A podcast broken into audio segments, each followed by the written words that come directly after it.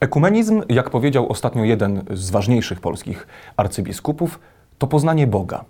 Sprawdźmy więc w dzisiejszym programie, jak y, wygląda to w praktyce. Y, przybliżmy Boga na przykład muzułmanom. Laudetur Jezus Chrystus, Marek Miśko, zapraszam na magazyn katolicki Wierze.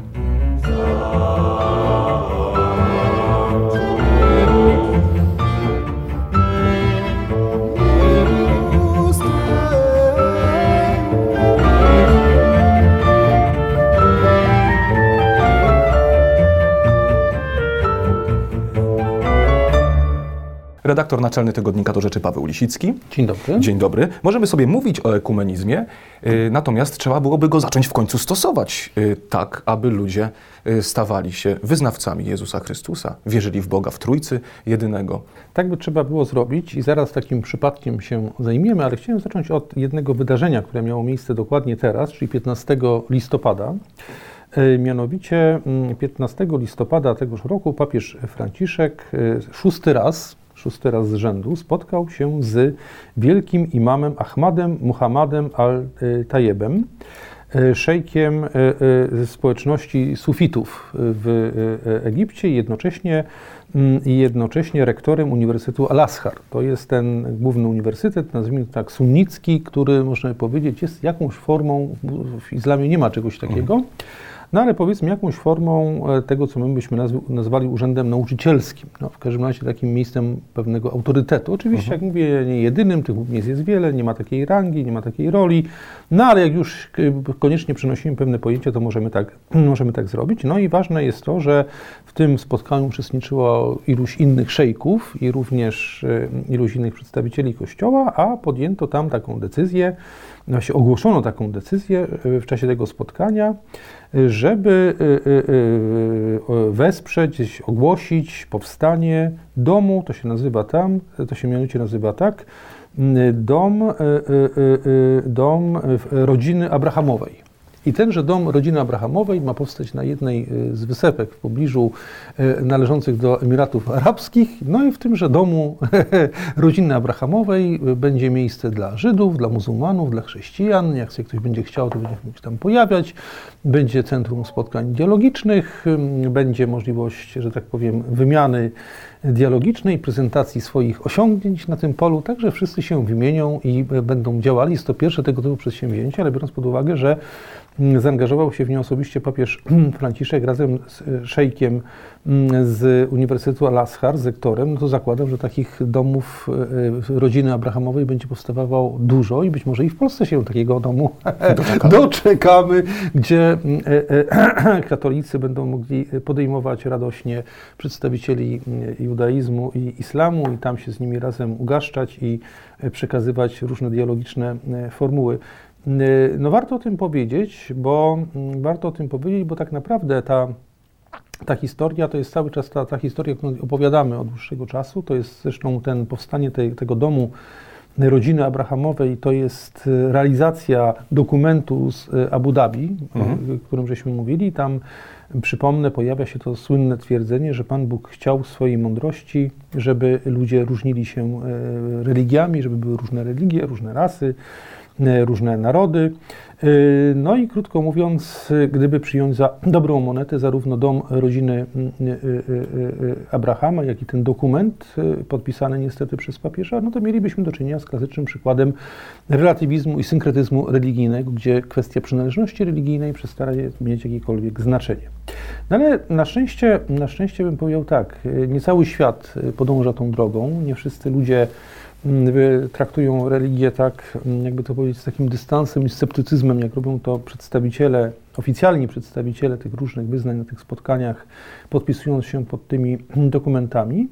I tak pomyślałem, że może mm, dzisiaj byśmy pokazali taki przykład zupełnie inny, to znaczy przykład człowieka, który nawrócił się na chrześcijaństwo, konkretnie, konkretnie na jedno z wyznań akurat protestanckich. Ściślej mówiąc, on tam przynależał do, najpierw do kościoła baptystycznego, potem był Potem był kaznodzieją, był nauczycielem, pastorem, to się nazywa był częścią takiego ruchu rabi Zachariasza. Wybrałem ten przykład dlatego, żeby nie było tak, że tylko, na, tylko katolicyzm jest tutaj dla nas, ekumenicznie to wybrałem, żeby okay. można było pokazać. Ale, ale właściwie, właściwie powód główny tego, tego przykładu jest trochę inny. To jest to, że są to chyba jeden z najlepszych wspomnień, jeśli tak można powiedzieć, tego, tego człowieka, który się nawrócił jakie w ostatnim e, czasie czytałem z dwóch powodów. Po pierwsze, doskonale pokazują kontekst muzułmański, to znaczy pokazują świat, w jakim on się, że tak powiem, dojrzewał, w jakim żył mhm. i idealnie definiują te główne powody, te główne problemy, jakim, e, dla, e, jakie dla muzułmanów stanowi chrześcijaństwo, czy wyzwanie chrześcijaństwa.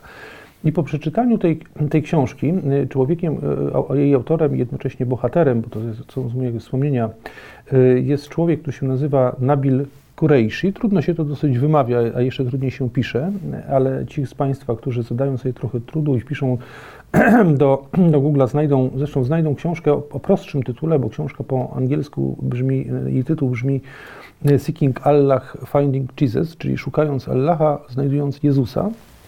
Warto naprawdę tę książkę przeczytać, jest gruba, gruba, ale, ale mam nadzieję, że to widzów nie, nie ostraszy. Dlaczego? Dlatego, bo tam jak w pigułce bardzo precyzyjnie jest pokazany ten proces, o którym mówię, takiego przechodzenia od świata, w którym ten człowiek się wychował. To jest świat, y, jego ojciec był, y, tego ojciec Nabila był oficerem amerykańskiej, Ameryka, amerykańskiej floty. Y, zrobił tam zresztą, najpierw był po prostu żołnierzem, potem, potem właśnie zrobił karierę, został niższej rangi oficerem. Przenieśli się z Pakistanu, gdzie mieszkali, do Stanów Zjednoczonych i on właściwie to, to, to, to jego życie Y, już takie świadome, to jest życie w Stanach Zjednoczonych. Y, to są lata, późne lata 90. i y, okres, właściwie to lata 90. to jest ten czas, kiedy, kiedy on opisuje te swoje doświadczenia religijne i ten proces nawracania się, mówię proces celowo, bo to długo, dużo czasu mu to zajęło, nawracania się na mm, chrześcijaństwo, ale robi to tak precyzyjnie, a potem miał niezwykłe szczęście, ponieważ akurat w tym, w tej, w tej, na tej drodze do Chrystusa Towarzyszyło mu kilku rzeczywiście bardzo wybitnych protestanckich uczonych. Jeden z nich to Michael e, e, Lincolna, autor takiej fundamentalnej książki poświęconej zmartwychwstaniu, a ściśle mówiąc dowodom na faktyczność zmartwychwstania. Moim zdaniem, jeśli chodzi o współczesne książki z tej dziedziny, jeśli chodzi o autorów protestanckich, to chyba jest to najważniejsza, albo na pewno jedna z najważniejszych książek, obok obok y, y, wielbnego y, Tomasa Wrighta, który jest z kolei też autorem takiej dużej książki właśnie o zmartwychwstaniu, to z pewnością Lincolna jest tutaj najważniejszym autorem. Zresztą pisał ją długo i ona jest ma tę zaletę, że jest spisana, nazwijmy to tak, z perspektywy kogoś, kogo, kto jest sceptykiem i stara się go przekonać, pokazując, czy opierając się wyłącznie na argumentach historycznych. Na drugim a drugim autorem, którego tenże e, Nabil Kureishi spotkał, był inny bardzo znany, e, bardzo znany e, pastor czy nauczyciel chrześcijański w Stanach, Gary Habermas, autor wielu książek apologetycznych, wielu książek poświęconych życiu Jezusa, y, y, y, prawdziwości Nowego Testamentu i tak dalej. No nie każdy ma takie szczęście, tak jak ten muzułmanin, żeby na swojej drodze znaleźć osoby tak, tak, że tak powiem, znające się na rzeczy, tak głęboko się znające na rzeczy, uczestniczące też w wielu debatach, bo mhm. jedną z takich rzeczy też charakterystycznych czy ciekawych, którą on opisuje, jest to, że w tym życiu uniwersyteckim, w którym brał udział, on, ten Kureishi studiował akurat dziedzinę kompletnie niezwiązaną z religią, bo biologię molekularną i, i, i genetykę, więc, więc dziedziny, które z y, wykładem Pisma Świętego nic wspólnego nie mają, no ale uczestnicz, uczestnicząc, prawda, czy chodząc na te wykłady, e, e, e, miał też możliwość spotkania się z tymi osobami, o których mówię, później też już takiego bardziej osobistego i do jednym z takich, z, taką, z takich cech życia uniwersyteckiego w Stanach, przynajmniej na niektórych uniwersytetach, są otwarte debaty dotyczące kwestii religijnych, gdzie występują zwolennicy, nazwijmy to tezy teistycznej czy tezy chrześcijańskiej, no i oczywiście też ich przeciwnicy z różnych, y, reprezentujący też różne tradycje religijne czy różne różne podejście, również muzułmański w tym przypadku, bo tych muzułmanów w Stanach też jest coraz więcej i tych, tych, tych spotkań, czy tych rozmów, czy tych dyskusji jest coraz więcej, ale to są takie dyskusje, które uważam, że są właściwym sposobem prowadzenia tak zwanego dialogu, czyli tu nie chodzi o to, żeby każdy grzeczny sposób opowiadał, że nic nie wie, albo, albo po prostu ludzie się, ludzie się spotykali w takiej formule grzecznościowej, tylko rzeczywiście tam się toczy ostry spór o prawdę, o to, kto ma rację, czy, czyje, nazwijmy to, które objawienie jest prawdziwe i, i, i, jak do tego należy podejść. No trzeba pierwsze zastrzeżenie jest oczywiście takie, że inaczej się dyskutuje z muzułmanami, a inaczej się dyskutuje, nie wiem, z ateistami na przykład, mhm. czy agnostykami. Pamiętajmy, że w przypadku muzułmanów mamy do czynienia i tak też, zresztą ten pierwszy okres swojej młodości opisuje Kureishi. Mamy do czynienia z ludźmi wierzącymi, tak? z ludźmi bardzo pobożnymi często, ludźmi często, szczerze mówiąc, w takim sensie bardziej pobożnymi niż wielu chrześcijan na Zachodzie. No, takich ta, ludźmi, którzy pilnują, jak przychodzi Ramadan, to rzeczywiście, yy, rzeczywiście go przez, przestrzegają tych przepisów, yy, nie jedzą, yy, przestrzegają tej, tej zasady, tej pięciokrotnej modlitwy i tak dalej. Zresztą sama ta rodzina Kureishiego była rodziną bardzo religijną.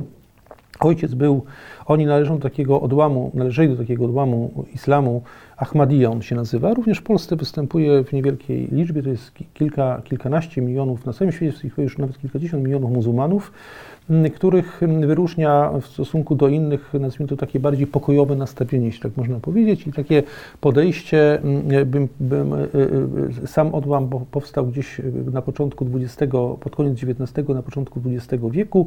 Jego założyciel zresztą był znany stąd, że napisał książkę, która odegra później w, tym, w tej naszej dyskusji rolę, mianowicie Jezus w Indiach. E, I teza główna tegoż założyciela tego ruchu Ahmadiyya, tych muzułmanów, była taka, że Pan Jezus nie zginął na krzyżu, e, tylko e, znalazł się w stanie tam śpiączki i później, prawda, znalazł się w grobie i z tego grobu uciekł i powędrował do Kaszmiru, do Indii.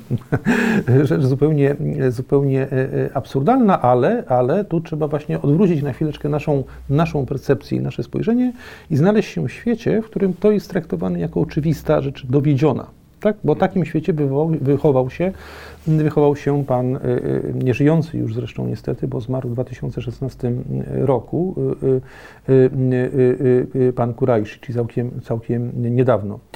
Ale zaczynając od, od początku tego, o czym mówię i to, co jest kluczowe dla zrozumienia tego procesu nawracania to jest to, i on o tym mówi kilka razy, że nawrócenie muzułmanów jest bardzo trudne ze względu na, nazwijmy to, środowisko i otoczenie kulturowe, w którym oni funkcjonują. Zwykle to jest szeroka rodzina, my byśmy raczej powiedzieli klan nawet. Mhm. E, za wszystkie te związki, które są bardzo bliskie i znacznie szersze niż w przypadku rodzin europejskich, no i oczywiście cały system obyczajów, przekonań, przedsądów, sądów, które człowiek ma nawet kiedy żyje już nie w Pakistanie i w tym otoczeniu muzułmańskim, ale również w otoczeniu muzułmańskim w Stanach Zjednoczonych. Bardzo trudno się z tego wyrwać i bardzo trudno się, e, że tak powiem, zdobyć na bardziej krytyczne podejście do swojej tradycji religijnej, i na krytyczne podejście, które pozwoliłoby w ogóle zadać takie pytanie, co jest prawdą. Kurajszy mhm. zaczyna od tego, że on jest przekonany, że islam jest tą prawdziwą religią, Muzu, y, y, Allah objawił się Mahometowi, jest przekonany, że chrześcijanie błądzą. Błądzą dlatego, ponieważ Biblia została, jak uważa, zafałszowana. To, to nie jest jego, to jest bardzo ważne. Ja czasem mówię Kurajszy albo posługuję się słowem on, ale pamiętajmy, że to jest, że tak powiem, ciąg sądów powszechnych, powszechnie przyjętych, traktowanych jako właściwie rzecz w ogóle niekwestionowana, nie do podważenia, oczywista w tym środowisku, w którym się wychował. I on na początku tych swoich wspomnień, tej, w tej książce, o której powiedziałem, czyli szukając Allaha, znajdując Jezusa, mówi o tym, że kluczem do nawrócenia jest znalezienie tak naprawdę przyjaciela. To znaczy człowieka, który, chrześcijanina, który jest jednocześnie przyjacielem tej, tej drugiej osoby i potrafi z nim rozmawiać w taki sposób, żeby ten, kogo się nawraca, zauważył, że temu komuś na nim zależy. To jest bardzo ważne. To znaczy, że, że to nie jest taki uliczny kaznodzieja, który wygłasza różne formułki, słucha się tego, ale się tego nie traktuje poważnie, tylko że kwestia nawrócenia, albo inaczej, kwestia sporu o prawdę stara się kwestią, nazwijmy to, egzystencjalną. Tak? Kiedy ludzie dyskutują ze sobą i widzą, że tej drugiej stronie, że, te, że rozmawiają dlatego, bo o coś tutaj chodzi istotnego, prawda? Że ta prawda ma nie tylko wymiar czysto abstrakcyjny, ale ma też taki wymiar, że komuś zależy na tym, żeby z nią do tej drugiej osoby dotrzeć. I w związku z tym te kolejne bariery, jeśli tak można powiedzieć, y, y, y, bo za każdym razem trzeba. Dlaczego nawrócenie jest tak trudne? Po pierwsze, dlatego, że człowiek, że, że jeśli mamy do czynienia z człowiekiem religijnym, a tak jest w przypadku muzułmanów, no to przyjmując wiarę chrześcijańską, negują przecież to wszystko, co wcześniej wyznawali. To jest w ogóle dla człowieka trudne, niezależnie czy to dotyczy religii, czy nie wiem, jakichś, jakichś innych przekonań, żeby na pewnym etapie swojego życia powiedzieć, że wszystko to, co uważało się do tej pory za ważne istotne, jest nieprawdziwe. No bo do tego to się tak naprawdę sprowadza. Tak? Znaczy mówimy o, mówimy o poważnych ludziach, a nie o dialogistach ekumenicznych, dla których, którzy, czy o dialektykach e, współczesnych, którzy wszystko ze wszystkim wiążą, wszystko im się miesza, e, jedno wynika z drugiego. Mówimy o poważnych ludziach, dla których istnieje taka kategoria jak prawda i błąd, tak? Kłamstwo i, i, i, objawienie. I dla takich ludzi y, y, dojście do wniosku, że to, co się do tej pory wyznawało, było czymś nieprawdziwym, jest bardzo trudne psychologicznie i bardzo trudne do takiego, do takiego żeby ktoś stanął przed sobą i powiedział: Tak, to, do tej, to, to co do tej pory uznawałem, wyznawałem, to, co mi przekazali rodzice przecież. Mhm przodkowie, to wszystko było nieprawdziwe. Tak? Bardzo, trudna, bardzo trudna decyzja. Tym bardziej, że nie jest to kwestia li tylko dogmatu mhm. konkretnego, tylko całkowitego przewartościowania mojego świata. Ale oczywiście mojego świata, moich relacji z ludźmi, całego otoczenia, prawda? I to jest pierwszy, pierwszy powód, pierwszy Powód, dla którego tak, trudno jest, tak trudne jest nawracanie muzułmanów, ja mówię dlaczego muzułmanów, ponieważ tu mamy do czynienia z religią, która no, w sensie też takim, powiedział, społecznym się nie zwija, ale rozwija, jak popatrzymy, ekspanduje, ekspanduje znaczy rozszerza się, tak, patrzymy na to, y, więc y, y, znacznie łatwiej jest przekon było przekonać na przykład, nie wiem, tam pogan albo ludzi, którzy już byli na mhm. wymarciu, że należy tak. porzucić tą... To jest religia, która za chwilę zajmie pierwsze miejsce? W sensie statystycznym, jeśli chodzi o liczbę wyznawców, może się tak zdarzyć i jesteśmy niestety na drodze do tego. Więc tym trudniej jest coś takiego. I, i, a drugi powód, czyli pierwszy powód, nazwijmy to jest takiej, takiej e, charakterologiczny. To znaczy, człowiek poważnie wyznający swoją religię z wielkim trudem przyzna, że wszystko to, co do tej pory, pory szczerze wierzył, jest nieprawdziwe. To jest powód pierwszy. A drugi, nie mniej, nie mniej istotny, ale a może nawet o muzułmanów jeszcze częstszym, to kwestia środowiska, otoczenia. Pamiętajmy o ogromnym nacisku związanym z tym, że no cała rodzina, e, wujkowie, ciotki, stryjowie i tak dalej, no są, są, że tak powiem, patrzą wtedy na takiego człowieka nie jak na raroga, no patrzą w ogóle nie jak kogoś wykluczonego, prawda? Mhm. Nie mówiąc o tym, że w wielu, e, w wielu tych częściach islamu porzucenie islamu jest traktowane po prostu jako zbrodnia, za którą należy się kara śmierci. I co więcej, taki, taki ktoś, kafir, człowiek y, zdradzający, czy człowiek porzucający wiarę, faktycznie może się liczyć z tym, że jego życie jest zagrożone. Oczywiście to, w tym przypadku było trochę inaczej, bo mamy do czynienia z kimś, jak powiedziałem, kto po pierwsze jest, należy do tej sekty, nazwijmy to sekty, do tej, do tej części wyznania muzułmańskiego najbardziej pokojowo nastawionego, tej grupy Ahmadiyya, a po drugie, dzieje się to wszystko w Stanach Zjednoczonych, więc możliwość tam przeprowadzenia zabójstwa ze względu na zmianę religii jest, jest to mniej prawdopodobne, choć też nie, niewykluczone takie przypadki też się, też się zdarzały. No więc jak weźmiemy te dwie rzeczy pod uwagę, czyli wewnętrzne, wewnętrzną niechęć człowieka, żeby porzucić to, co uważa za najważniejsze i, zewnę, i, ze, i otoczenie, i środowisko, w jakim się znajduje, które sprawia, że tak trudno się przebić z pewną prawdą, no to zauważymy, jak wielką drogę trzeba odbyć, żeby się nawrócić i jak rzeczywiście ważne jest to, o czym, o czym mówi, czyli jak ważne jest, żeby znaleźć kogoś, za pośrednictwem kogo ta religia, ta prawda religijna do nas dotrze, ale, ale w taki sposób, żeby nie było to formą upokorzenia człowieka, czy takiego upokorzenia, no ty jesteś głupi, nic nie rozumiesz, prawda, nie, nie ten, tylko, tylko, te, tylko ktoś, kto ma też odwagę stanąć z nim w takim zwarciu i powiedzieć, dobrze, to szukajmy tej prawdy i zobaczmy, czy te tezy, które ty masz, które ty wyznajesz, są prawdziwe, czy nie.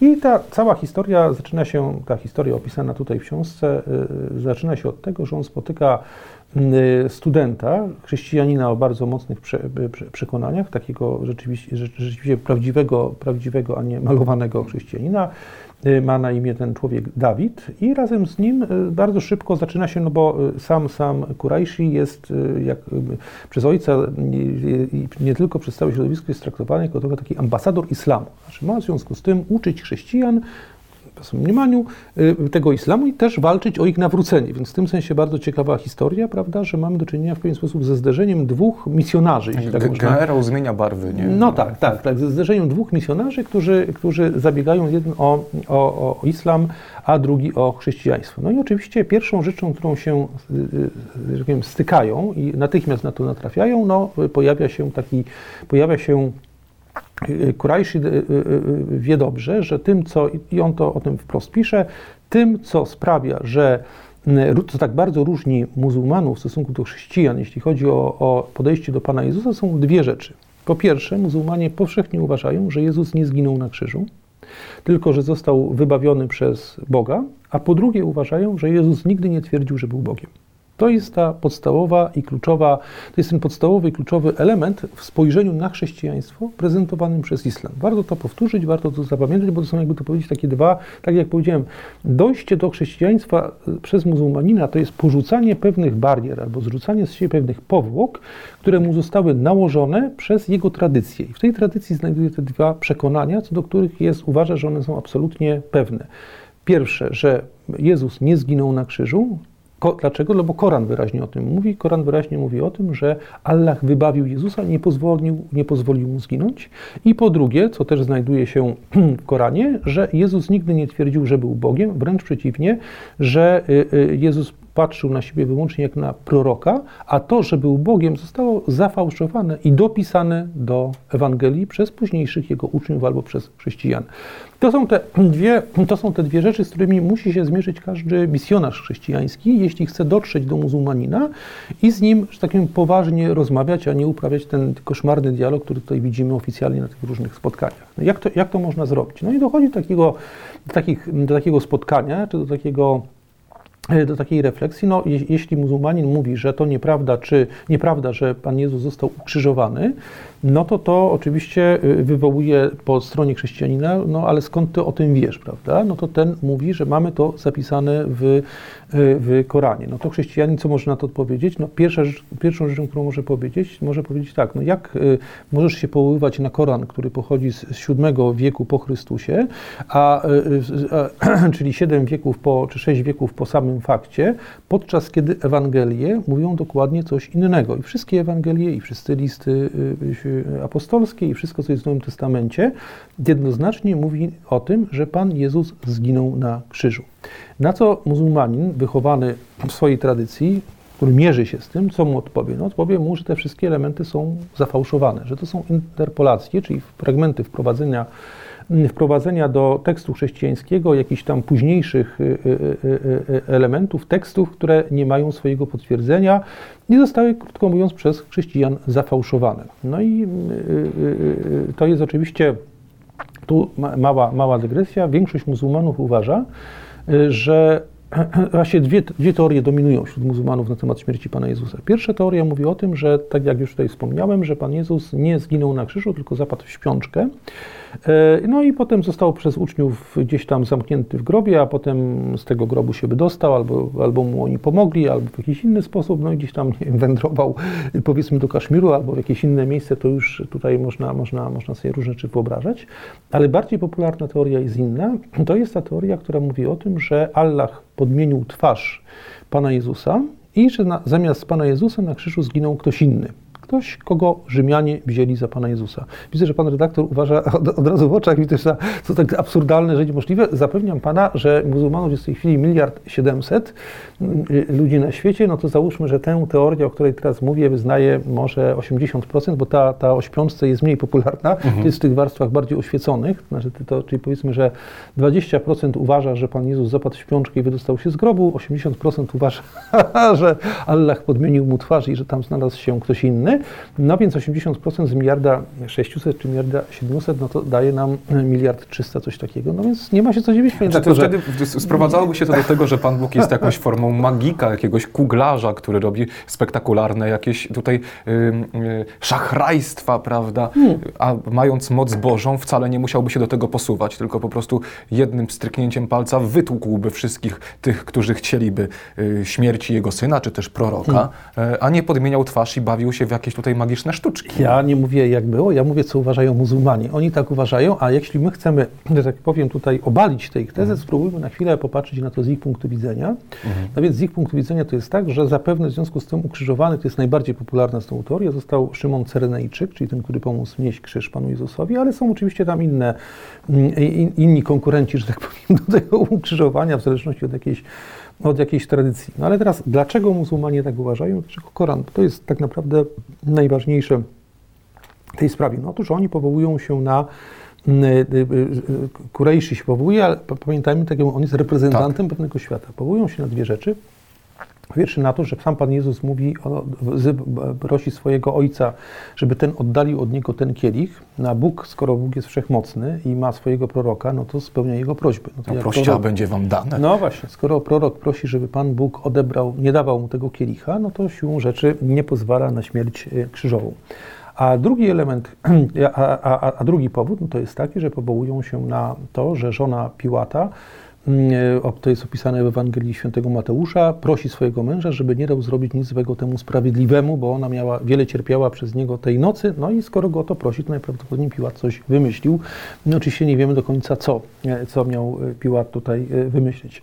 To oczywiście można się, można się uśmiechnąć, patrząc na to w kategoriach takich, no powiedziałbym, rozumowych na te argumenty, ale oni, one wynikają z bardzo silnego przekonania, które leży u źródła i jest korzeniem tego sprzeciwu muzułmańskiego, z przekonania, przekonania, że Bóg musi w tym świecie, w którym żyjemy, zawsze zwyciężać. Że cierpienie i męka jest czymś nie do pogodzenia z boską wszechmocą.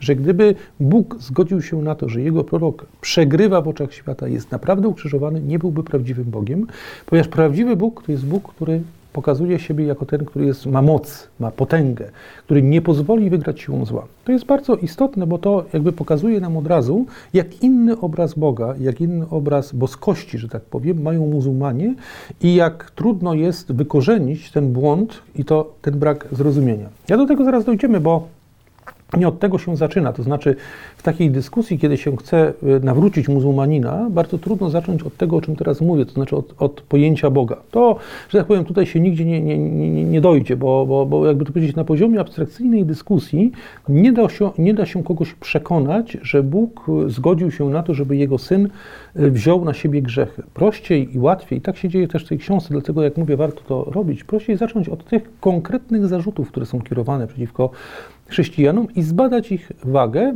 pokazując, że one są racjonalnie nieprawdziwe. To jest oczywiście jeszcze, jeszcze za mało, żeby ktoś uwierzył, natomiast to w ogóle otwiera drogę do prawdziwej dyskusji. Jak mówię, tym pierwszym zarzutem, który się pojawia mm, bardzo często u muzułmanów, to, to, to dobrze to Kurajszy opisuje, to jest zarzut mówiący o tym, że Biblia została zafałszowana, że w Nowym Testamencie te opisy, które dotyczą śmierci Pana Jezusa, zostały później wprowadzone że zrobili to celowo uczniowie, którzy tam ulegli temu bądź, bądź się temu. No i oczywiście to prosty kontrargument brzmi, że jeśli wiemy o tym, że Ewangelie zostały zafałszowane, to znaczy, że istnieje jakaś niezafałszowana Ewangelia. Mhm. Prawda? No to jest yy, bardzo proste. Jeśli ktoś, jeśli to nie dotyczy Ewangelii, jakiegokolwiek dokumentu, jeśli ktoś twierdzi, że nie wiem, jakaś książka, jakiś tekst został zafałszowany przez kogoś, to znaczy, że, że sądzi, że istnieje niezafałszowana forma, która pozwala oddzielić mhm. fałsz od prawdy. To jest ten kluczowy element. No i tak też ten Dawid, czy ten przedstawiciel świata chrześcijańskiego mówi do e, Kurajsziego, no to no, dobrze. Prówec, tak, udowodni to, udowodni, gdzie jest ta niezafałszowana e, e, treść. No to ten mówi, no przecież wiadomo, powołując się zresztą na różne badania biblistów, że ten tekst nowego, pamiętajmy jeszcze jedna dygresja, jedna dygresja bardzo ważna, kiedy się rozmawia z muzułmanami, trzeba pamiętać o tym, że dla muzułmanina ta kwestia jakby to powiedzieć, jednolitego tekstu, która dla katolików zwykle nie ma aż takiego, że dla chrześcijan w ogóle, ale dla katolików szczególnie nie ma takiego znaczenia, dla nich jest kluczowa. Dlaczego? Dlatego, bo katolicy swoją wiarę bardzo często opierają po prostu na autorytecie Kościoła. E, nie śledzą dokładnie każdego zdania w Piśmie Świętym i nie zastanawiają się, czy to słowo dokładnie odpowiada temu, co zostało zapisane, czy nie. Tylko opierają się na tym, że ciąg świadków reprezentowany przez tradycję i przez autorytet Kościoła jest wystarczający, żeby to przyjąć. Dla muzułmanina inaczej, ponieważ on, dla niego religia to jest religia objawiona w Koranie, to oczekuje, że u chrześcijan ta Biblia pełni dokładnie taką samą rolę jak Koran, czyli w pewien sposób, że zawiera tą pełnię objawienia. Dlatego on kieruje swój zarzut nie przeciwko nie wiem, kościołowi, tradycji, świadkom, tam też ona występuje w, muzułmanie, w islamie w postaci sunny właśnie i hadisów, czyli tych opowieści, które są później e, przekazywane przez e, następnych nauczycieli, tylko kieruje w stronę Biblii, a szczególnie Nowego Testamentu. Dlaczego Nowego Testamentu? No bo Stary Testament w gruncie rzeczy muzułmanom nie, jakby to powiedzieć, nie szkodzi. Znaczy uważają, że w Starym Testamencie znajduje się mniej więcej to, co w Koranie. Rzeczywiście jest dużo, dużo zbieżności, że obraz y, Boga jest podobny. Można operować na poziomie przypuszczeń już też. Tak, odna- znaczy, każdy coś dla siebie odnajdzie. Każdy coś dla siebie odnajdzie. Znaczy, tak naprawdę realny spór dotyczy sporu z chrześcijanami, a nie z Żydami. Czy, czy, czy Nowy Testament jest wypełnieniem Starego Testamentu? W tej tak. formie, czy oni są jakby spadkobiercami. Okay, można, by tak, mhm. tak, można by tak do tego podejść. I dlatego, dlatego, jak mówię, tak dużą wagę ma zarzut, który dla nas może nie brzmi aż tak poważnie, ale dla muzułmanina brzmi, że w Nowym Testamencie te teksty, które do nas dotarły, czy to, co mamy teraz zapisane jako Nowy Testament, że my znajdziemy tam właśnie różne uzupełnienia i różne dodatki i tak dalej. No i takie dodatki, nazwijmy, no to jest na przykład tak zwane zakończenie Ewangelii według świętego Marka, czyli, czyli 16, 16 rozdział, 9 ostatnich wersów, które najprawdopodobniej, i, tak uważają też współczes większość współczesnych biblistów uważa, rzeczywiście jest raczej zapisem pochodzącym z przełomu I i II wieku, dodanym do oryginalnej Ewangelii Marka. Albo takie interpolacje można znaleźć, na przykład ta słynna interpolacja to jest ósmy interpolacja, czyli włączenie, tak? czyli dodatek. Może takie słowo będzie prostsze. Y, to jest, to jest ósmy rozdział według Ewangelii Świętego Jana, słynny opis prawda, Pana Jezusa i cudzołożnicy, kiedy Pan Jezus siedzi, pisze na piasku, a prowadzą do Niego kobietę przyłapaną na cudzołóstwie i, i, i, i pytają, i, i, chcą ją ukamienować. I Pan Jezus wtedy odpowiada, żeby rzucił pierwszy kamieniem ten, który nie ma grzechu. Ta słynna scena, nie ma tego, nie, nie znajduje się ona w pierwotnych rękopisach, manuskryptach, tylko pojawia się stosunkowo późno, dokładnie dokładnie, e, kiedy trudno, trudno, trudno powiedzieć, natomiast nie należy do pierwotnego tekstu Ewangelii, tego, który znajdujemy w najwcześniejszych rękopisach, jeśli tak można powiedzieć.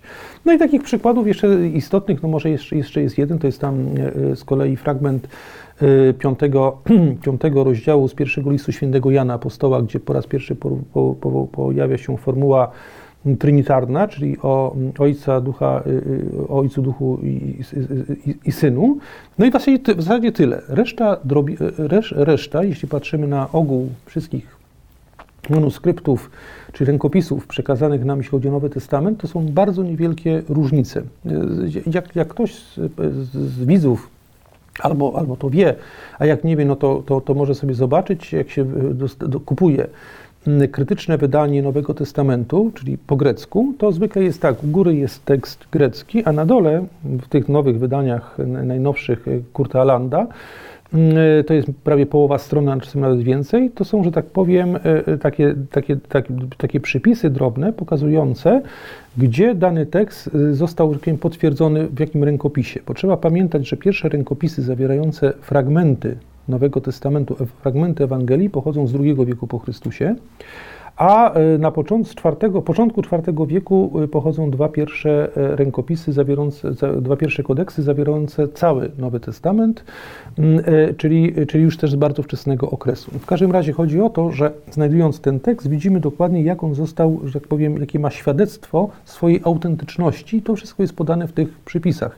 Czyli możemy być pewni, pewni że jeśli chodzi, o, jeśli chodzi o Nowy Testament, ten, który dzisiaj, którym dzisiaj mamy, to jest Nowy Testament, który w 99,99,99% dokładnie odpowiada autentycznemu tekstowi dzięki krytyce tekstualnej, którą się zajmują znawcy czy, czy bibliści, ci, którzy się tym, tym, tym, tym parają, czyli dokładnie e, e, e, odkrywają nowo odkryte papirusy. Tu trzeba pamiętać, że w ciągu ostatnich kilkuset lat tych tych papirusów odnaleziono wiele, czy fragmentów mhm. raczej, prawda? Można konfrontować w związku z tym zarówno te papirusy w języku greckim, jak i w języku łacińskim, jak i w języku syryjskim, jak i koptyjskim z, y, y, y, z, z tymi wcześniejszymi i sprawdzać, czy jeśli występują różnice, to ty, czy te różnice były, były wynikiem na przykład błędu kopisty, pamiętajmy, mhm. że to mhm. wszystko odbywało się ręcznie, czy wynikało z tego, że kopista posługiwał się, nie wiem, jakimś innym źródłem, tak, tak niż, niż, niż to i tak dalej. Nie chcę wchodzić teraz w tą całą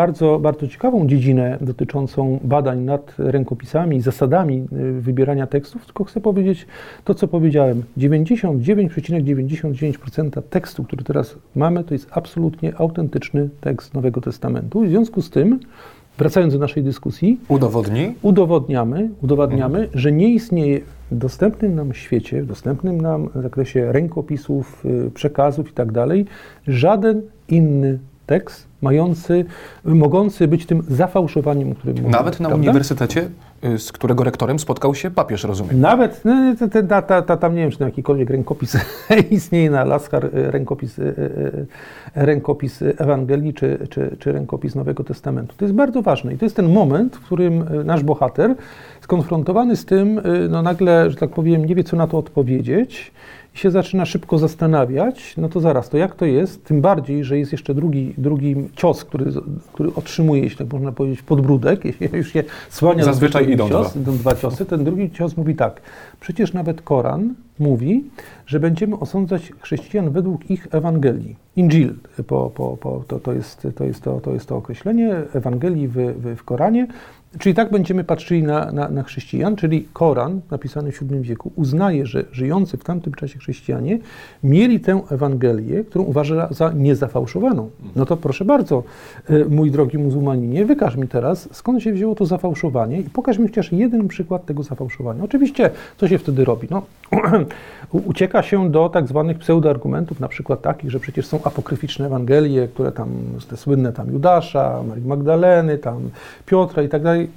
Tylko mamy do czynienia na szczęście, tak jak mówię, z bohaterem, który, m, który ma odwagę nie stosować e, racjonalizacji, to znaczy nie posługiwać się tymi argumentami tylko po to, żeby się zasłonić, Tylko żeby ale znaleźć żeby prawdę. poznać prawdę. I bardzo szybko, znaczy pierwsza reakcja jest oczywiście taka, to jest naturalne, prawda? Ktoś nam mówi coś, czym, czego nie chcemy przyjąć, to się natychmiast zasłaniamy, zasłaniamy całą masą kontrargumentów, ale ta siła rozumu, siła sumienia sprawia, że zaczynamy badać, czy my żeśmy to zrobili słusznie. I on szybko zauważa, że to coś, o czym mówi, co się przeciwstawia Ewangeliom, żadnymi Ewangeliami nie jest. To są rzeczywiście pochodzące z II wieku, od połowy II wieku mniej więcej różne pisma e, e, o, mniejszej lub większej wartości, niektóre z nich oparte na Ewangeliach, niektóre być może mające coś z nimi wspólnego, a inne całkowicie już wy- wymyślone. Setek, y, setki sekt chrześcijańskich. Tak, no, po, po, pochodzące właśnie tak. od, od tych różnych nauczycieli. No i on no, no i się nagle takiej, zostaje tak skonfrontowany z taką sytuacją, że rzeczywiście ta Ewangelia, o której, czy Ewangelia, czy to pismo, o którym sądził, że jest sfałszowane, no nie jest w stanie wykazać, że ono jest sfałszowane, bo wszystkie przekazy, które mamy, te najwcześniejsze, niezależnie czy one pochodzą z lat 60., y, 50. I wieku po Chrystusie, jak uważają bardziej konserwatywni badacze, czy nawet niech to będzie rok 70 czy 80 po Chrystusie, wciąż nie zostały zmienione, czyli nie ma takich y, w tych fragmentach, o których mówimy. No i dochodzi do takiej konfrontacji w pewnym momencie między nim, zabiera swojego ojca na tą konfrontację, y, tam konfrontację, no, rozmowę, tak to powiedzmy, czy spór, Tego oficera. y, tego y, oficera, okej. tak, który jednocześnie jest misjonarzem, tak jak Okej, powiedziałem, e, muzułmańskim. No i oni tam rozmawiają razem właśnie z tym, z tym Habermasem i z tym, i z tym Lincolną, czyli z tymi na- pastorami protestanckimi i z punktem sporu jest, na, na razie zajmują się tylko jedną rzeczą, czyli kwestią, czy da się udowodnić, że Pan Jezus umarł na krzyżu, co jak powiedziałem jest elementem odrzucanym przez islam. No oczywiście możemy y, stąd wywnioskować, gdyby udało się udowodnić, że Pan Jezus y, y, y, zginął na krzyżu, umarł na krzyżu, to w tym sensie tradycja muzułmańska zostaje bardzo mocno podważona, prawda? No bo okazuje się, że mamy przynajmniej jeden konkretny przypadek, kiedy Koran mówi nieprawdę. To znaczy przekazuje nieprawdę na temat śmierci Pana Jezusa, a to, jak zawsze w takim przypadku, rzutuje na całość. No to jest tak jak w sądzie. Oczywiście. Jest świadek, y, co robi, co robi y, adwokat, stara się wykazać niewiarygodność świadka. Chociażby w jednym punkcie. dokładnie, tak. chociażby w jednym punkcie. Nawet jeśli wyka- wykażemy, że ten świadek, nie wiem, ty, y, w tym konkretnym akurat no, o, o czym mówi, może i mówi prawdę, ale uda mu się wykazać, że wcześniej gdzieś kłamał albo są jakieś niespójności, Tak. no to nie przyjmujemy jego świadectwa. I dokładnie tak jest trochę z tym Koranem. Jeśli uda się wykazać, jak w czasie tej rozmowy to ma miejsce, że chrześcijanie nie mylą się co do faktu śmierci Pana Jezusa na krzyżu, no to uderza to w wiarygodność Koranu i każe w związku z tym szukać, skąd ona się wzięła. No i dochodzi do takiej konfrontacji, do takiej rozmowy i tutaj, żeby nie, nie bo to oczywiście jest rzecz, którą można, o której by bardzo długo można mówić, faktycznie okazuje się, że ta, ta teza, którą wyznawał początkowo Kurajszy, mówiąca o tym, że Pan Jezus był w stanie śpiączki i tak dalej, no że ona zostaje totalnie zdruzgotana. Zresztą, co zresztą ciekawe, że ta teza została zdruzgotana bardzo wcześnie i to przez człowieka, który zupełnie nie jakby to powiedzieć, nie sprzyjał chrześcijaństwu, czyli przez jednego z głównych racjonalnych autorów, czy stosujących taką racjonalistyczną krytykę Dawida Straussa w połowie XIX wieku, który słusznie, i to jest moim zdaniem argument absolutnie nie do odparcia, mhm. powiedział, no, że e, jak sobie możemy wyobrazić, że Pan, już pomijając wszystkie opisy, które mhm. o tym wyraźnie mówią, e, ewangelistów, którzy to stwierdzają, sam fakt przebicia go włócznią mhm.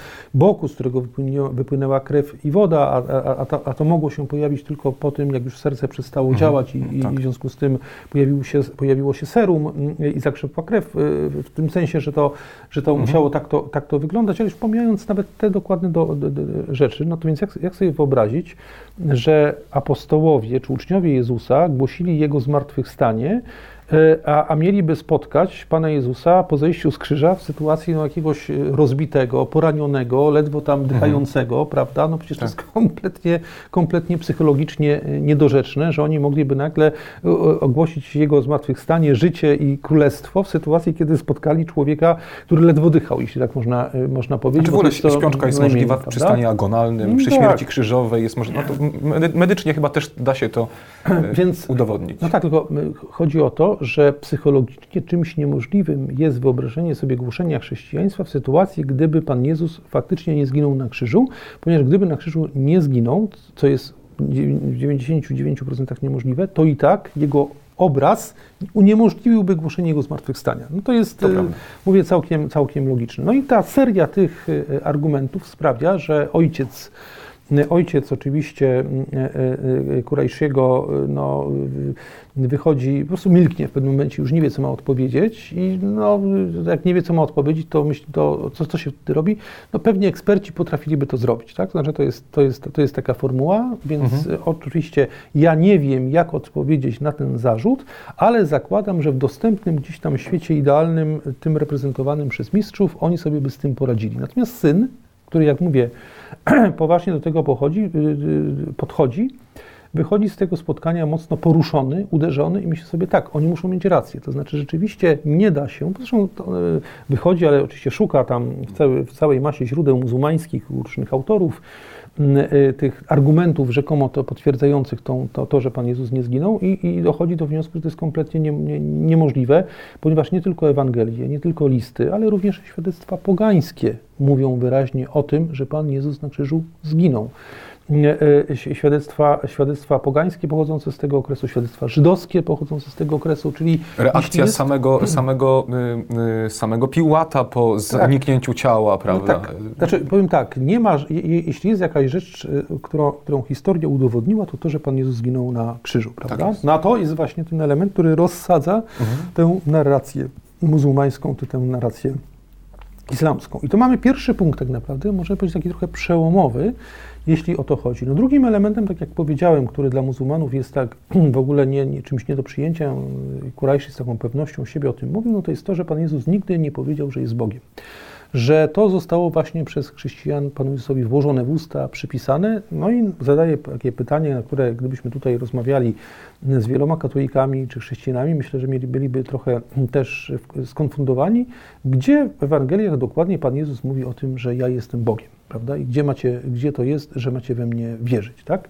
Oczywiście jest takie, jest takie stwierdzenie, że ja i ojciec jedno jesteśmy, prawda, albo kto nie zna ojca, nie zna syna, ale no one można powiedzieć, że muzułmanie potrafią je, że tak powiem, interpretować w sposób metaforyczny, twierdząc, że to dotyczy nie tylko, nie tylko w sensie, nie, nie Pana Jezusa w sensie, nazwijmy to, metafizycznym czy ontologicznym jako, jako istoty boskiej, tylko jako reprezentanta wszystkich innych ludzi. Mhm. E, ale ale tym, co jest tutaj kluczowe, no to zrozumienie kontekstu, to też w tej książce Kurajsi dokładnie pokazuje, kontekstu, który sprawia, że wiele fragmentów tych wczesnych Ewangelii pokazuje Pana Jezusa, który mówi o sobie na przykład jako o Synu Człowieczym. I to, co wielu ludzi dzisiaj, szczególnie jak myśli Syn Człowieczy, to myśli, że to jest podkreślenie ludzkości Pana Mhm. Jezusa, Jego człowieczeństwa. Nie rozumie, że to określenie Syn Człowieczy na ustach Pana Jezusa odnosi się do Jego boskiej natury. Ponieważ Syn Człowieczy, o którym tu mowa, to jest ten Syn Człowieczy, o którym mówi siódmy rozdział e, proroctwa Daniela, Księgi Daniela, który mówi o tym, że postawiono trony i przed przedwiecznego poprowadzono Syna Człowieczego, który przybył tam na obłokach. Zarówno przybycie na obłokach, to, że się siedzi obok Boga na tronie, wszystko to są znamiona boskości. Czyli kiedy Pan Jezus w swoich e, w Ewangeliach, to zostało przekazane w sposób całkowicie niepodważalny, a doskonale to widać też w tych dialogach mm, e, z Kajfaszem, e, kiedy już Kajfasz go pyta, kim ty jesteś, prawda? Czy ty jesteś synem, synem, synem Bożym, czy ty jesteś Mesjaszem? I Pan Jezus mówi o tym i zobaczycie Syna Człowieczego przybywającego na obłok- obłokach, mówiąc o sobie, to wyraźnie wskazuje na ten swój boski charakter i to, że i na to swoje boskie objawienie.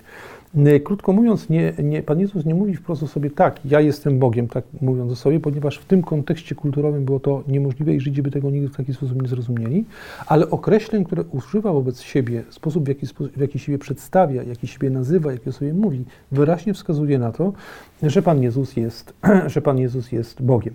No ale do tego Kurajszy dociera, y, y, y, tak jak powiedziałem, za pośrednictwem tych nauczycieli, którzy mu to pokazują w Ewangeliach, czyli razem z nim odczytują te teksty i pokazują, jak należy rozumieć różne formuły, ale tym kluczem, którego do tego tak naprawdę prowadzi, który rozbija te, te, te wątpliwości, jest wiara w zmartwychwstanie albo przyjęcie tego, że Pan Jezus zmartwychwstał. Oczywiście tu jesteśmy, w przypadku muzułmanów, to z kolei można powiedzieć, że to jest jakaś zareta, ponieważ muzułmanie, będąc ludźmi religijnymi, uważają, że, że istnieje Bóg po pierwsze i że Bóg może sprawiać cuda, co jest bardzo ważnym elementem, czyli krótko mówiąc, nie, musi, nie trzeba w dyskusji z muzułmaninem udowadniać, że zmartwychwstanie mogło mieć miejsce. No bo z ateistą, konfrontuje pan to z rozmową z ateistą. tak, bo z ateistą, prawda, trzeba jeszcze udowodnić, że po pierwsze trzeba udowodnić, że istnieje Bóg i że Bóg jest, że Bóg jest Bogiem Wszechmocnym i że w związku z tym e, takie coś, e, takie coś istnieje. Natomiast Mhm. w przypadku muzułmanina tego robić nie trzeba, bo zakładamy, że on przyjmuje, że zmartwychwstanie mogło teoretycznie mieć miejsce. Czyli sugeruje pan, aby, abyśmy w pierwszej kolejności nawracali tych, którzy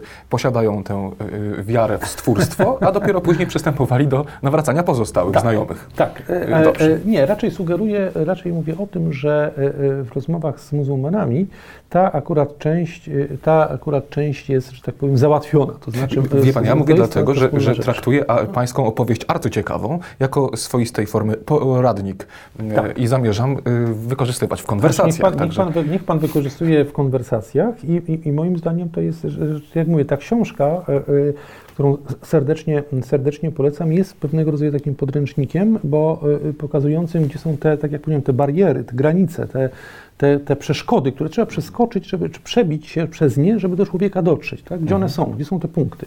I tym punktem, na szczęście, który, je, jeśli, się, jeśli tak, jeśli się już wie, że Pan Jezus zginął na krzyżu, tak? No to co robi dalej chrześcijanin? Mówi, no dobrze, jeśli Pan Jezus zginął na krzyżu, a wszyscy Jego uczniowie od samego początku mówią, że zmartwychwstał Mhm. i mówimy to do kogoś, kto w ogóle uznaje to, że Bóg mógł to zrobić, tak? Mhm. To mówimy, to jak Ty możesz twierdzić, że Pan Jezus nie zmartwychwstał? Ale jeśli Pan Jezus zmartwychwstał, to jest ten argument bardzo mocny, to oznacza, że Bóg wskrzeszając Pana Jezusa albo Jezus zmartwychwstając, jakby to powiedzieć, uprawdopodobnił całą swoją wcześniejszą naukę i wszystko to, co o sobie mówił. Prawda? Oczywiście. Bo zmartwychwstanie w kontekście, jakim mówimy, jest taką pieczęcią prawdziwości całego, całej jego nauki. Jeśli Pan Jezus mówił w związku z tym o sobie, że jest synem człowieczym, tak? Że w trzy dni świątynia powstanie Jeśli, na nowo. tak, że, że oto macie coś większego niż świątynię. Jeśli mówił o, o, o sobie jako o Synu Bożym, jeśli mówił, że nikt nie pozna Ojca jak tylko przeze mnie, prawda, że ja i Ojciec jedno jesteśmy, Mhm. to wszystkie te słowa, dlaczego, są, dlaczego my w nie wierzymy? Dlatego mamy ostateczne i takie, powiedziałbym, radykalne potwierdzenie w samym zmartwychwstaniu. Zmartwychwstanie jest z jednej strony, bym powiedział, cudem nad cudami, Mhm. ale z drugiej strony, używając tego w dyskusji czy w polemice, jest takim potwierdzeniem prawdziwości całego przesłania i nauczania Pana Jezusa. I teraz, ta, teraz taki muzułmanin w związku z tym, y, mówię, w momencie, kiedy on nie wierzy, że Pan Jezus zginął na krzyżu, to sprawa w ogóle nie jest dla niego istotna. On uważa, że chrześcijanie wszystko tam oszukali, zakłamali, Ewangelii są nieprawdziwe. Ale jak został doprowadzony do tego pierwszego punktu, czyli musi przyjąć, że Pan Jezus zginął na krzyżu i jest konfrontowany z tym, że wszystkie wczesne, wszystkie świadectwa, jakimi dysponujemy, mówią o tym, że chrześcijanie od początku wierzyli, że Pan Jezus zmartwychwstał, opierali się na szeregu świadków, którzy to widzieli naocznie, ten pierwszy szereg świadków jest pokazany w 11 rozdziale listu do Koryntian świętego Pawła, kiedy Paweł wymienia po kolei tych, którym Pan Jezus się objawił po zmartwychwstaniu, i to jest też pokazane w Ewangeliach, no to musi coś z tym faktem zrobić. Tak? To znaczy, jak to jest możliwe, że ci uczniowie e, e, to przekazywali i jak to jest możliwe, że ja mam, tego, ja mam to odrzucić, skoro ja uznaję, że Pan Bóg mógł to przecież zrobić, więc jak, dlaczego mam to odrzucać, prawda? Mhm. Cały czas zakładamy, że rozmowa toczy się pomiędzy ludźmi chcącymi dojść do prawdy, a nie udowodnić swoją wyższość nad drugą. Tak, okay. wyższość nad drugą i, i, i ludźmi, którzy, i ludźmi którzy, y, którzy uważają, że to w ogóle jest coś nieistotnego, że ta kwestia wiary to jest jakiś tam, no trochę jakiś mhm. hobby tam, prawda? Okay. Więc pojawiają się świadkowie.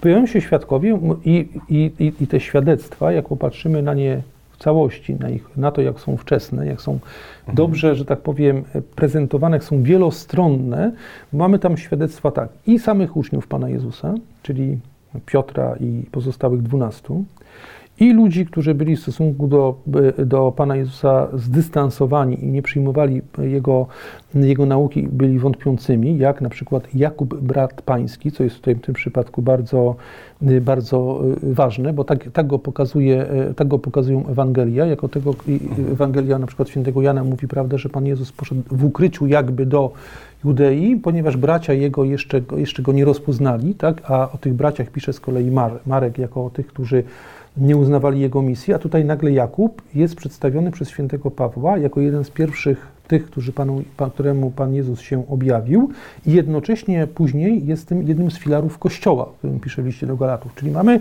drugą kategorię świadków, ludzi, którzy za życia Pana Jezusa, nazwijmy to tak, z dystansem podchodzili do Jego działalności i wreszcie trzecia kategoria wrogów, czyli tych, którzy zwalczali Pana Jezusa, albo zwalczali Jego naukę, czyli sam święty Paweł, tak, który jest w tej trzeciej kategorii i on również uznaje to objawienie.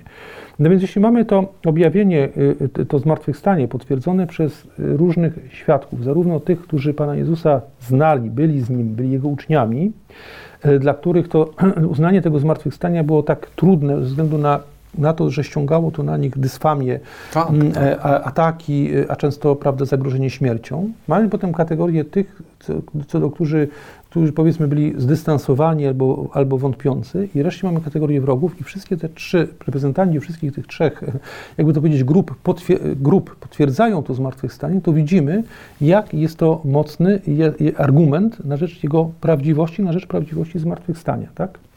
Y, mówię, nie wchodząc w to w to dalej y, mamy ten drugi przykład i mamy, i, i, jeśli połączymy te trzy rzeczy, czyli a, fakt śmierci na krzyżu, bardzo wysokie prawdopodobieństwo zmartwychwstania pochodzące od świadków bezpośrednich reprezentujących trzy różne grupy i trzy, właściwą interpretację słów znajdujących się w Ewangeliach, mówiących o tych, że Pan, Pan Jezus mówił o sobie jako o Synu Bożym, jako o Bogu, tylko używając innego, innej formuły syn człowieczy, prawda, w tych wczesnych, w tych wczesnych Ewangeliach, no to Kurajszy zostaje doprowadzony do, takiego, do takiej sytuacji, że musi uznać, że to tam taki jest ten, że w 90%, jeśli tak można powiedzieć, chrześcijaństwo jest prawdziwe. Taka jest powiedzmy jego, takie jest jego, takie jest jego podejście i on znajduje się w takim stanie bardzo trudnym, to trwa wiele miesięcy, no bo nie wie, bo już tak, został przekonany w bardzo dużym stopniu co do prawdziwości. To jest taki moment, kiedy jeszcze nie nadchodzi ta prawdziwa prawdziwa wiara, która jest zawsze łaską, czyli tym, tym elementem, kiedy człowiek już w oparciu o dane historyczne dokonuje tego egzystencjalnego wyboru, kiedy już wierzy, ale już jest tego bardzo blisko, ponieważ rozum mu podpowiada, że nie ma, nie ma argumentów sensownych, którymi mógłby się przeciwko chrześcijaństwu posłużyć. Oczywiście mówimy o poważnych argumentach, a nie tak, o tym, co tak, w takich tak. dyskusjach się zawsze może pojawić, czyli tych takich próbach racjonalizacji, a to nigdy nie wiadomo, a to tak, a to siak. Takie rzeczy się zdarzają. Natomiast jeśli, jeśli ktoś kierowany samą samym poszukiwaniem prawdy, samą uczciwością dochodzi do tego momentu, to znajduje się w takiej sytuacji, że na te, na, mając te trzy rzeczy razem wzięte, nie wie, co na to odpowiedzieć, bo nie daje się tego wytłumaczyć w inny sposób niż to, że to jest wszystko prawda. Czyli mając do czynienia A z faktem historycznie udowodnionym śmierci Pana Jezusa na krzyżu, B historycznie wysoce bardzo prawdopodobnym faktem Jego zmartwychwstania opartym na niezależnych świadectwach pochodzących z różnych źródeł bardzo wczesnych, bo ten, ten, ten ciąg świadków, o którym wspomina list do Koryntian, y, no to wspomina o nim w roku 50, chyba tam trzecim po Chrystusie, czyli między śmiercią Pana Jezusa a, a podanymi świadkami jest y, raptem 20, 20 lat.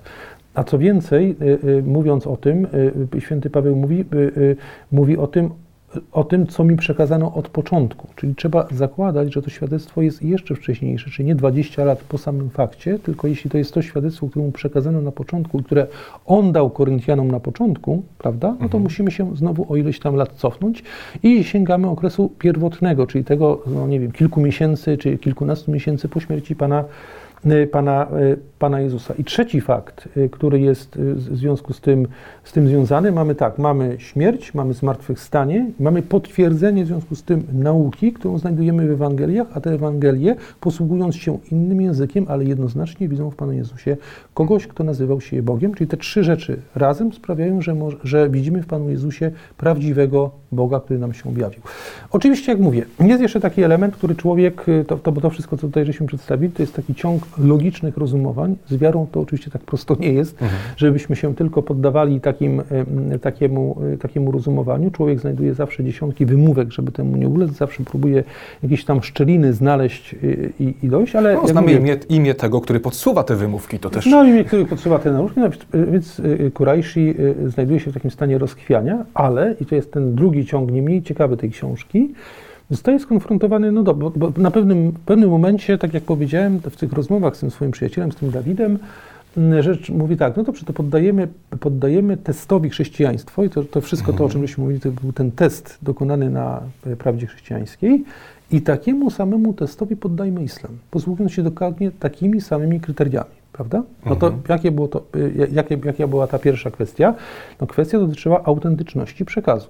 Czyli mówimy o tym, że w przypadku Ewangelii opisujących życie i śmierć Pana Jezusa i Jego zmartwychwstanie mamy do czynienia z tekstami autentycznymi, które powstały co najmniej maksymalnie powiedzmy 50 y, lat, po, to, to już tacy najbardziej, nazwijmy to skrajni współcześni krytycy, te też są oczywiście, ale nawet przyjmijmy, że to jest, że, że mają tutaj w jakiejś mierze, w jakiejś mierze rację, powstały w, po roku 70 po Chrystusie, czyli, czyli powiedzmy 40 róż, lat różnicy między chwilą śmierci Pana Jezusa, a chwilą rzekomego napisania pierwszej Ewangelii. Jak mówię, ja uważam, że, ta, że, że tylko to nie jest teraz rozmowa mhm. na temat liberalnej krytyki, która popełnia tutaj mhm. poważne błędy, ale to jest rozmowa, z, z, z, posługujemy się tymi samymi kryteriami, czyli uważamy, załóżmy, że i, i co do tego istnieje powszechna zgoda, że teksty ewangeliczne, te pierwsze Ewangelie powstały nie później niż 40, 45 lat po śmierci Pana Jezusa, tak? Mhm. No i zapytajmy teraz, z jakiego okresu pochodzą pierwsze świadectwa dotyczące śmierci e, i życia Mahometa. No dokładnie dokonujemy ten samej, tego samego porównania, tak? Mhm. Czyli padamy, co my wiemy o y, y, Mahomecie, co my wiemy o Panu Jezusie, jakie są nasze źródła tu, jakie są nasze źródła tam. No i brutalna prawda jest taka, do której zresztą którą zresztą zrozpaczony Kuraishi odkrył w momencie, kiedy zaczął dokładnie takimi metodami badać islam, jakimi wcześniej posługiwał się stosunku do chrześcijaństwa, że pierwsze, e, że tak powiem, zbiory has, e, e, hadisów, czyli tych opowieści o, o życiu Mahometa, no to pochodzą z okresu 200-250 lat po jego śmierci. Czyli niech pan zobaczy, gdybyśmy to przełożyli na język chrześcijański, znaczy na, na, na, na, na chrześcijaństwo, to by było tak, jakby pierwsza Ewangelia powstała w roku 250 i 30, no powiedzmy w połowie trzeciego wieku po Chrystusie. Czyli ile pokoleń musiałoby nieść w pamięci prawdę, nie? O, dokładnie. Ile pokoleń? No ile? To ile? jest 250 lat. Pokolenie to jest 40 lat. No to nie wiem, 6-7 pokoleń, To jest sporo, nie? Sporo. Czyli widzi Pan, jaka jest tak. gigantyczna różnica między, nazwijmy to, e, e, na, nawet mówię, zakładamy tutaj nie, nie, nie opinie krytyków konserwatywnych, czy, czy takich, którzy uważają, że Ewangelie powstały w roku tam, nie wiem, 50 czy 60, czyli 20-30 lat po Chrystusie, ale niech to będzie nawet tak 40 parę lat. jeszcze tak. jednego. Nie? W ramach pokolenia jednego, to znaczy jesteśmy przekonani, że to jest jeszcze ten czas, kiedy mogli żyć ci, którzy byli świadkami tych wydarzeń, tak? I jesteśmy całkowicie przekonani, że 250 lat po śmierci jakiegoś człowieka nikt inny żyć nie mógł, z jego oczywiście współczesnych. Czyli byśmy mo mogli powiedzieć tak, że zderzając się właśnie i konfrontując e, te opisy dotyczące mm, islamu, nagle Kurajszy znalazł się w takiej sytuacji, że te wszystkie zarzuty, których usiłował użyć przeciwko chrześcijaństwu, wykazując, że Ewangelie są nieautentyczne, nieprawdziwe, są interpolacje i tak dalej, nagle z przerażeniem zauważył, że sto razy bardziej te argumenty uderzają w jego, w jego przekonanie co do tego, kim był Mahomet, ponieważ jego wiedza dotycząca Mahometa jest wiedzą pochodzącą z okresu 5 i 6 razy dłuższego niż ta, która pochodzi w przypadku chrześcijan. To jest pierwsza rzecz, która go, że tak powiem, wewnętrznie rozbiła, no bo oczywiście to jest tak, że tam nie możesz, można powiedzieć, że to było dokładnie przekazywane, że była tam tradycja. No, prawda jest znowu taka, że ta tradycja przekazywana przez, e, e, w kulturze arabskiej w wieku VII i VIII biorąc pod uwagę charakter, charakter tej kultury, czyli to, że ona była wtedy jeszcze w wysokim stopniu niepiśmienna i opierała się wyłącznie na tradycji ustnej, jest nieporównywalnie mniej wiarygodne, jeśli tak powiedzieć, niż to wszystko, co mamy w otoczeniu żydowskim w I wieku po Chrystusie, kiedy mamy już do czynienia z działającymi od dłuższego czasu szkołami rabinicznymi, mhm. mamy do czynienia z, z y, y, całą, całą szkołą y, i całą formą tak zwanej mnemotechniki, polegającej na tym, że uczniowie rabinów muszą zapamiętywać ogromne fragmenty tekstu religijnego na pamięć i przekazywać go w sposób absolutnie nieskażony następnym, prawda? Mamy dokładne opisy tego, czyli możemy powiedzieć Ale tak. też rozwój cywilizacyjny, który gwarantował Rzym przecież, nie? No, mamy, e, e, który gwarantował Rzym, ale, ale bo, bo to, to jest istotne tak, że wielu krytyków mówi o tym, że Ewangelie, jeśli tam 40 lat po śmierci Chrystusa, to, to, to mogły być właśnie tam, nie wiem, zanieczyszczone, nie wiem, że tam jakieś argumenty, mogły się dodatkowe rzeczy. Musimy pamiętać, ale tylko to jest nad inną, jak mówię, nie chcę, nie okay. chcę w to wchodzić, bo to możemy osobno porozmawiać o, o autentyczności samych Ewangelii. Teraz rozmawiamy o tym wyłącznie w kontekście porównania z, z, Koranem. z Koranem i z y, Mahometem, i z życiem Mahometa. No więc jak dochodzi y, Kurajszy tego, do tego momentu, kiedy zauważa, że wszystko to, co wie o Mahomecie, pochodzi z okresu sześć razy dłuższego wzięło niż to, co wzięło w łeb, no bo nagle się okazuje, że to jest wszystko jakieś takie no, mm, na ruchomych piastach, piaskach oparte. Mówi, jeśli stosujemy tę, tą samą miarę, jak w stosunku do Ewangelii. Druga rzecz, która go y, y, uderza, i która go, że tak powiem, kompletnie tutaj no, rozprasza, no to jest też to, to, ta wizja islamu jako religii pokoju, jako religii braterstwa, jako religii po, po, pojednania i nagle konfrontowany z, z, tekstami, które przytacza raz za razem ten Dawid, y, widzi, że to jest wszystko nieprawda. Owszem, że jest, y, że można znaleźć w Koranie dwa czy trzy twierdzenia, które by mówił o tym, że, y, że religia nie, nie, posługuje się przemocą, ale one są, że tak powiem, kroplą w morzu innych tekstów, które nakazują zabijanie niewiernych, walkę z niewiernymi, używanie miecza, y, pochwalają przemoc religijną, mówią o tym, że chrześcijan i Żydów należy, y, że to są, to jest, to są ludzie, których należy tam nie wiem, uciskać, prześladować, dawać im, pokazywać ich niższość, ich gorszość ze względu właśnie na islam i tak dalej. Krótko mówiąc, wizja, wizja Mahometa jako człowieka pokoju, biorąc pod uwagę sposób, w jaki, jaki rozszerzał się pierwotny islam, ten, to wszystko, co zostało nam przekazane, zarówno w tych hadisach, jak i w, samej, w samym Koranie, bierze w łeb. To znaczy, mhm. człowiek skonfrontowany z tym nagle widzi, że, y, y, że Mahomet znacznie bardziej przypomina, nie wiem, Jozłego z księgi Jozłego, czyli kogoś, kto na czele e, wojsk Izraela wkracza do ziemi obiecanej i wycina w pień mieszkających tam Kanaitów. No ale niż... tutaj trochę inaczej, bo to jest za przyzwoleniem, pełną zgodą. Bóg mówi, co możesz zrobić. Tak, tak, tak, ale to, to nie tylko to, tylko chodzi mi o to, że zderzenie, bo, bo, bo, bo, bo tu pamiętajmy o tym, że, że przecież ten Kuraishi nie jest y, radykałem muzułmańskim, okay, tylko tak, jest, tak. jak mówię, on jest członkiem tej, tej, tej, Muzułmańskim mormonem. No, no, no, może mormonem nie, ale takim, no powiedzmy, liber, w tym sensie, nie, nie chcę powiedzieć liberalnym, bo liberalny to nam się kojarzy oczywiście z kimś mocno zdystansowanym do swojej wiary, ale no tak mocno nasyconym taką ogólnoludzką etyką. Mhm. Tak, czyli, czyli widzi w, w, w Koranie i w posłaniu Mahometa no, taką, o, taką, taką prawdziwą etykę, tak? Znaczy takiego nauczyciela etyki, który który mówi prawdę i nagle jest skonfrontowany z tym, że te opowieści to wszystkie są nic nie warte, ponieważ mamy tam do czynienia z bardzo mocnym, że tak powiem, nakazem wojennym, tak? Używanie przemocy w stosunku do mhm. inaczej wierzących, że islam, oznaczający tak naprawdę uległość, podległość Bogu, Bogu nakazuje rozprawianie się mieczem z niewiernymi. To w bardzo wielu punktach, w bardzo wielu fragmentach i że, że tak powiem, jest to tak dominujące i w tak wielu punktach, że nie da się tego zbyć na zasadzie, że to jest jakieś tam wcześniejsze, albo dokładne, albo coś. To wszystko jest nieprawda. No więc y, widzi pan, on się znajduje w coraz mniejszej sytuacji duchowej, tak? Bo już tak wie, Szkoda że... chłopa jednym słowem. Słucham? No? Szkoda chłopa. Szkoda, ale... Proszę sobie wyobrazić, co on przeżywał, nie? Właśnie o tym, dlatego, dlatego mówię, jak trudne jest, żeby, żeby bo to wielu ludziom się to słowo nawracanie, jakie to jest często bardzo trudne dla, dla człowieka.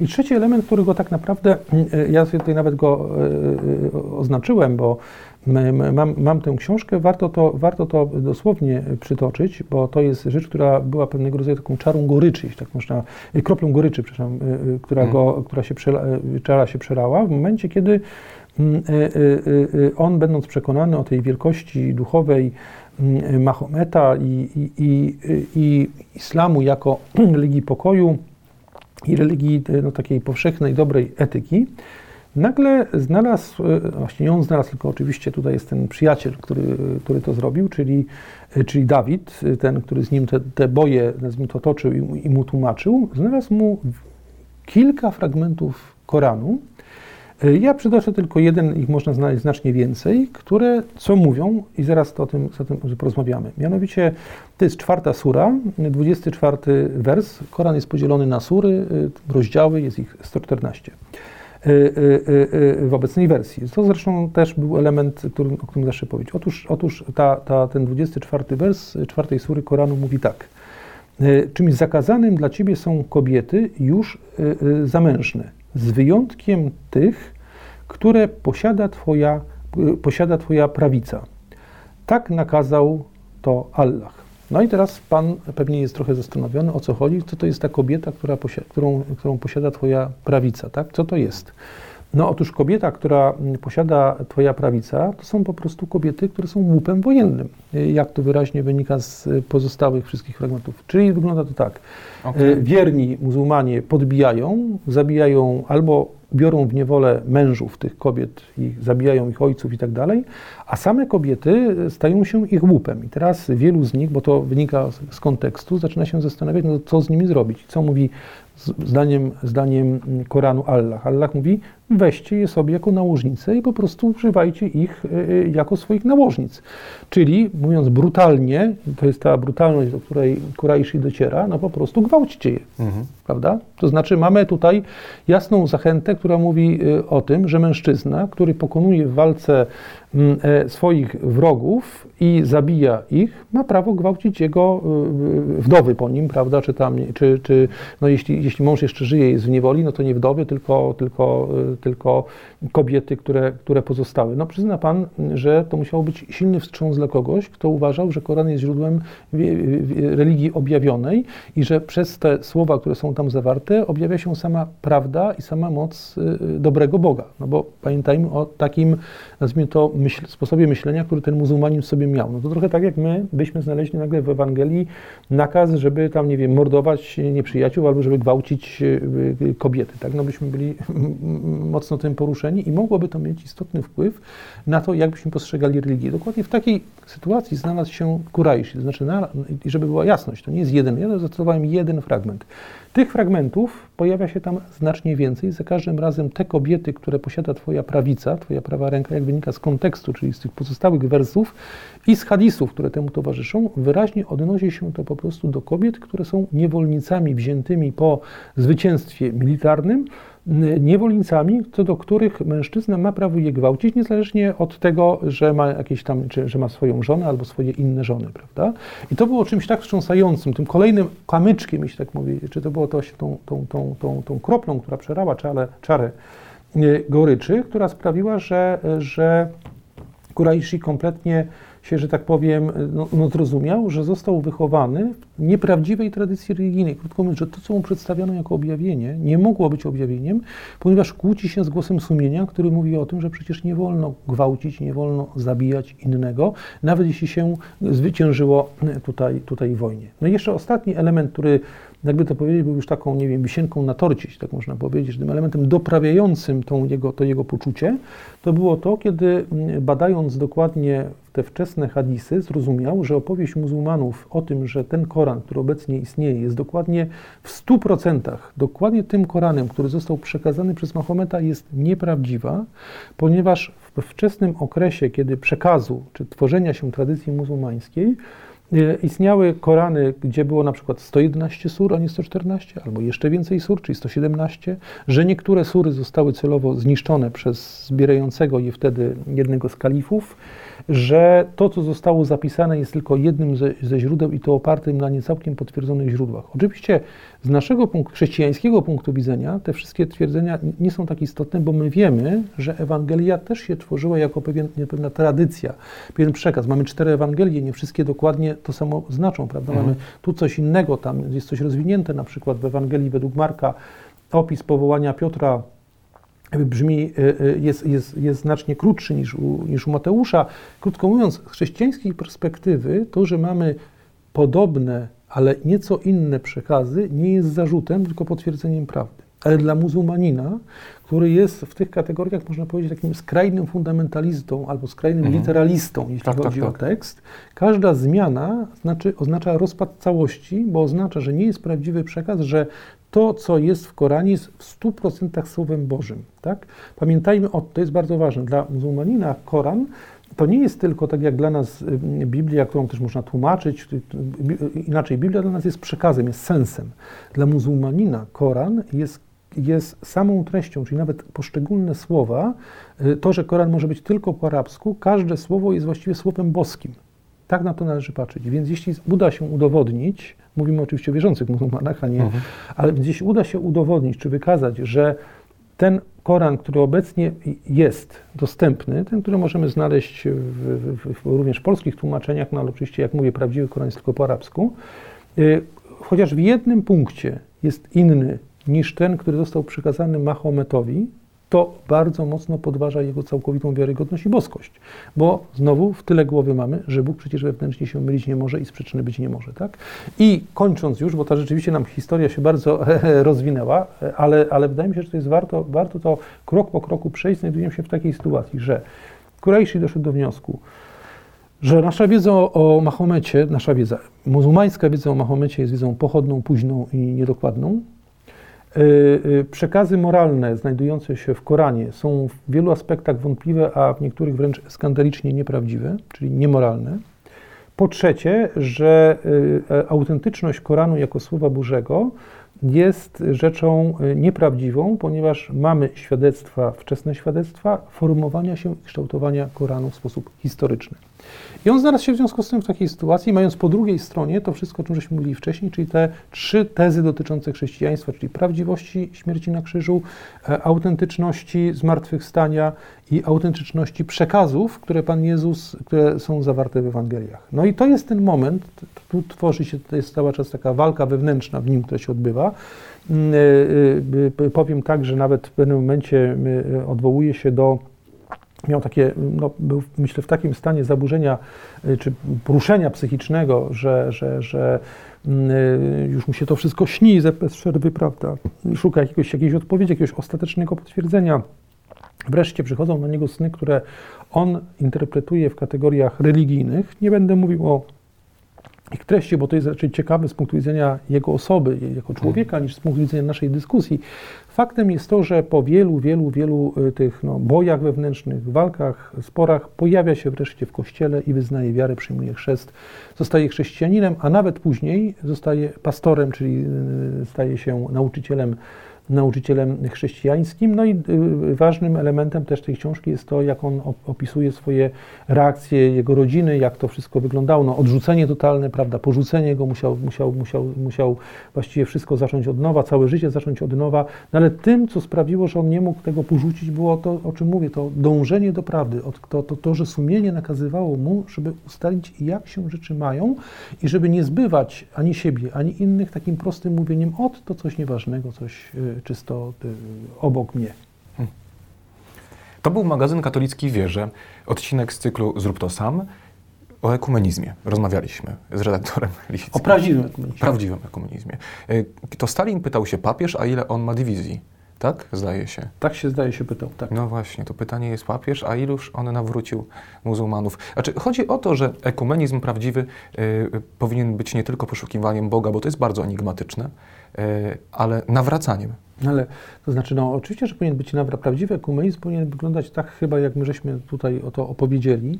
To znaczy, y, oczywiście, że trzeba się konfrontować, y, y, nie, nie, bać się tej konfrontacji, ale to się właśnie w tym sensie nie ma czego bać, ponieważ chrześcijaństwo ze względu na swoją strukturę, przekaz, tradycję ma tak bardzo mocną e, ten element tego racjonalizmu w sobie. Oczywiście, że jak powiedziałem, do wiary nie wystarczy nasza wiedza historyczna. Możemy ją mieć bardzo głęboką, a wciąż nie być ludźmi wierzącymi. Mhm. Ale ta wiedza jest bardzo potrzebna, żeby rozbić pewne przesądy, żeby otworzyć się na to, co już jest oczywiście dziełem wtedy łaski Bożej. Mhm. Postaram się y, zapamiętać i zapytać Pana w przyszłej audycji, y, bo jest tu taki pewien element niesprawiedliwości. Y, skoro ja miałem szczęście i Pan urodzić się w rodzinie, która przybliżyła nas niejako do Boga, Inni takiego szczęścia nie mieli. Co to oznacza e, z punktu widzenia bóstwa samego Boga? Ależ trudne pytanie. To już ja boję się, boję się naszej przyszłotygodniowej konfrontacji. Ja nie będę niczego usprawiedliwiał. Sam jestem ciekawy, bo myślę, że nieprawdą jest, że każdy startuje z tego samego poziomu, jak chcieliby niektórzy liberałowie. E, ten człowiek miał znacznie trudniej. Ten człowiek miał nieporównywalnie trudniej. Jak mówię, tradycyjna rodzina muzułmańska, wielopokoleniowa, ojciec, który był zagorzałym muzułmaninem, matka też bardzo religijna, ojciec, który był, jak mówię, misjonarzem islamskim, on sam e, po, po, był przez ojca i nie tylko przez rodzinę przedstawiony jako taki właśnie ambasador islamu wśród niewiernych. No, wyobraźmy sobie, że, e, e, że, że, że, w takiej sytuacji ktoś musi dokonać tego, tego, tego zwrotu. My żeśmy tylko jednej osobie mówili, o jednym takim nawróceniu mówili nie akurat z islamu na chrześcijaństwo, tylko z anglikanizmu na katolicyzm. Chodziło o no, o y, Johna Henry Newmana i jak tam to było y, ciężkie, jak to było trudne, y, jego książka Apologia, Profita Suła doskonale to pokazuje, czyli pokazuje, ile trzeba było tych barier wewnętrznych, zewnętrznych, środowiskowych, wszystkich innych pokonać, a mimo tego przecież i tak było to łatwiejsze, bo łatwiej jednak, powiedzmy sobie, będąc anglikaninem, zostać katolikiem, niż będąc muzułmaninem, zostać chrześcijaninem, gdzie cała tradycja muzułmańska jest wymierzona w chrześcijaństwo, bo Bóg